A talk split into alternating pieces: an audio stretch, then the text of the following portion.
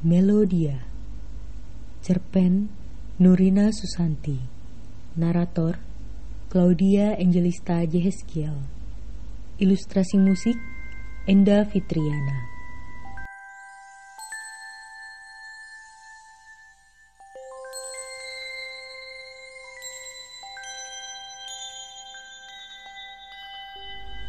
Dia biasa datang pada malam bulan purnama Kata Carla berbisik padaku.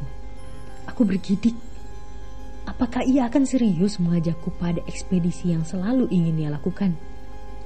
Sejujurnya, aku tak terlalu suka dengan idenya itu. Carla memang sudah gila. Aku pun hanya menatap bubur kacang yang ada di hadapanku dengan tatapan jijik. Seolah bubur itu berubah menjadi kotoran monster berwarna hijau yang membuat setiap mata enek melihatnya. Sesendok bubur kacang terpaksa kutelan. Dan aku pun memuntahkannya secara tak sengaja. Ayo cepat habiskan. Jangan sampai kamu tidak semangat makan hanya karena petualangan nanti malam. Serga Carla dengan mata berbinar.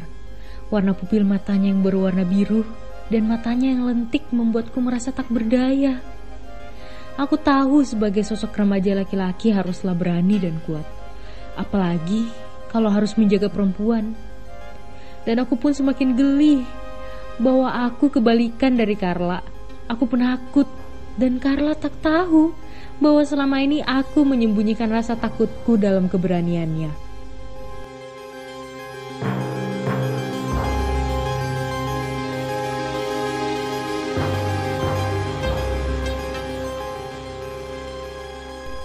Carla Lavina selalu suka mengamati hal-hal aneh yang terjadi di sekitarnya. Dia menyukai hal-hal mistis atau cerita horor dari nenek moyang. Juga mitos terkenal yang selama ini menggigirkan desa tempat tinggal kami. Itu semua terkait dengan Melodia, sosok misterius yang sering diperbincangkan di bisikan para tetangga.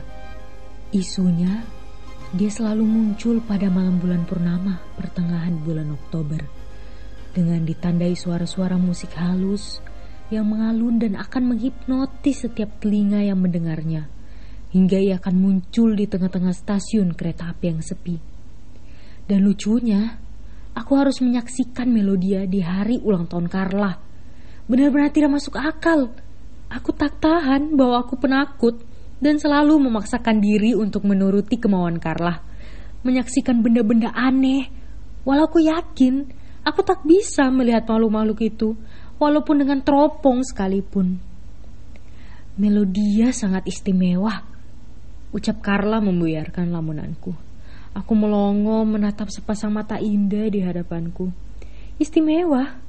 Tanyaku. Tentu saja, Kevin. Coba bayangkan ini. Mitos paling hangat dan menegangkan. Aku semakin penasaran. Seperti apa hantu Melodia itu? Kata Carla. Kau yakin ingin mengajakku di hari ulang tahunmu untuk melihat makhluk aneh itu? Tentu saja, mengapa tidak? Bukankah kita selalu melakukannya bersama-sama? Kau juga suka kan petualangan yang selalu kita lakukan ini? Ini sangat mengasyikkan. Jelas Carla. Aku pun mual.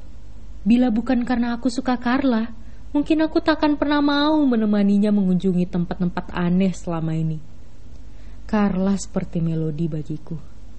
Ya karena dia suka musik dan nyanyian yang ia lantunkan selalu membuatku terhipnotis. Carla selalu mengaku melihat sesuatu yang sama sekali tak bisa kulihat dan aku hanya berpura-pura melihatnya juga. Dan kali ini hantu Melodia.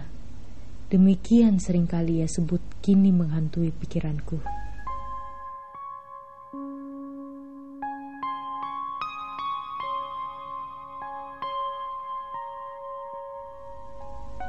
15 Oktober Siang yang begitu panas, aku duduk bersandar di dekat pohon tua stasiun kereta, menunggu Carla tentu saja.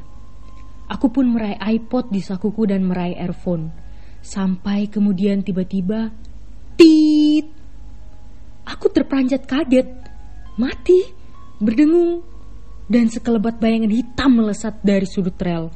Aku potong panting berlari dan tiba-tiba menubruk seseorang. Kevin, apa yang kau lakukan? Hei! Oh, Carla. Aku... Aku melihat tempat untuk malam nanti. Kataku belepotan. Carla menggerling curiga. Kau melihat sesuatu? Ah, tidak. Hanya heran mengapa tiba-tiba iPodku tak ada melodi sama sekali. Kataku gugup dengan muka pucat pasi. Ah, kau ada-ada saja. Mungkin kau ingin cepat bertemu Melodia. Lucu juga ternyata Kevin. Carla tertawa. Ini benar-benar aneh. Melodi dalam iPodku seperti telah dicuri. Aku yakin seperti itu kenyataannya. Aku suka musik dan aku tak bisa hidup tanpa musik. Musik adalah energi bagiku dan alhasil, tanpa melodi maka takkan ada musik. Musik adalah jiwaku.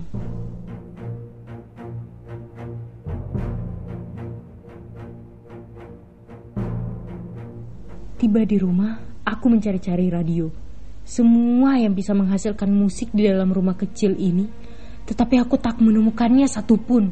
Semua telah dicuri, hilang, lenyap tanpa sisa. Napasku terengah dan degup jantungku kencang. Aku jatuh terduduk dan segera menelpon Carla.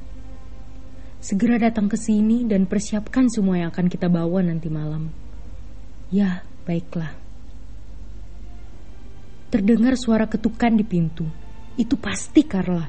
Dengan cekatan, aku mempersilahkannya masuk. Dia tampak tersenyum dan bersemangat untuk ekspedisi malam ini. Sungguh gadis yang pemberani. Aku membawa semua yang kita butuhkan, kata Carla. Kamera? Ya, tentu saja itu sudah siap, katanya sambil menarikku keluar rumah. Stasiun kereta malam hari.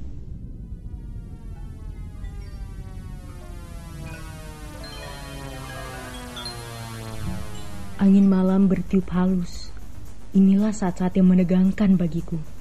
Namun entah bagi Carla, dengan senter yang menyala di tangan kami, kami sibuk menangkap apa pun yang bisa dilihat dengan kamera yang menggantung di lehernya.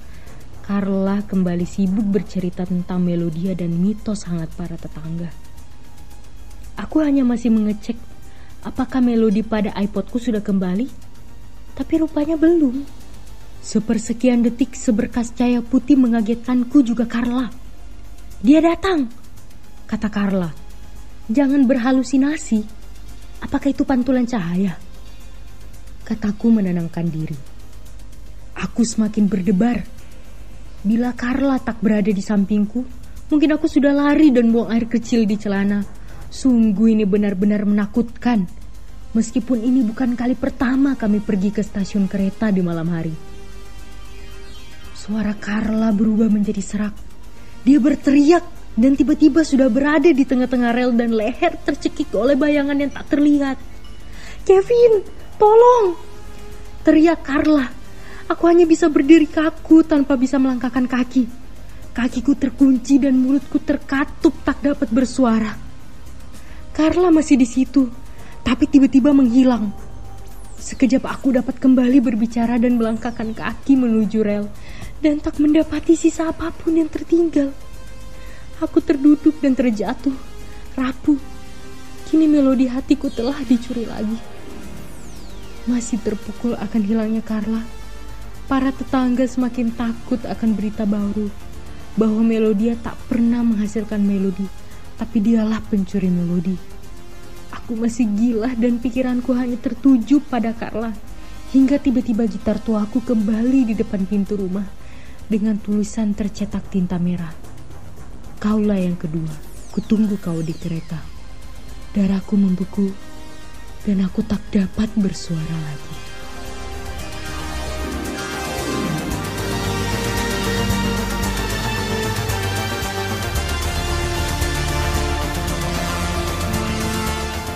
Sastra suara ini hasil kerjasama divalitera.org dan Tokopedia.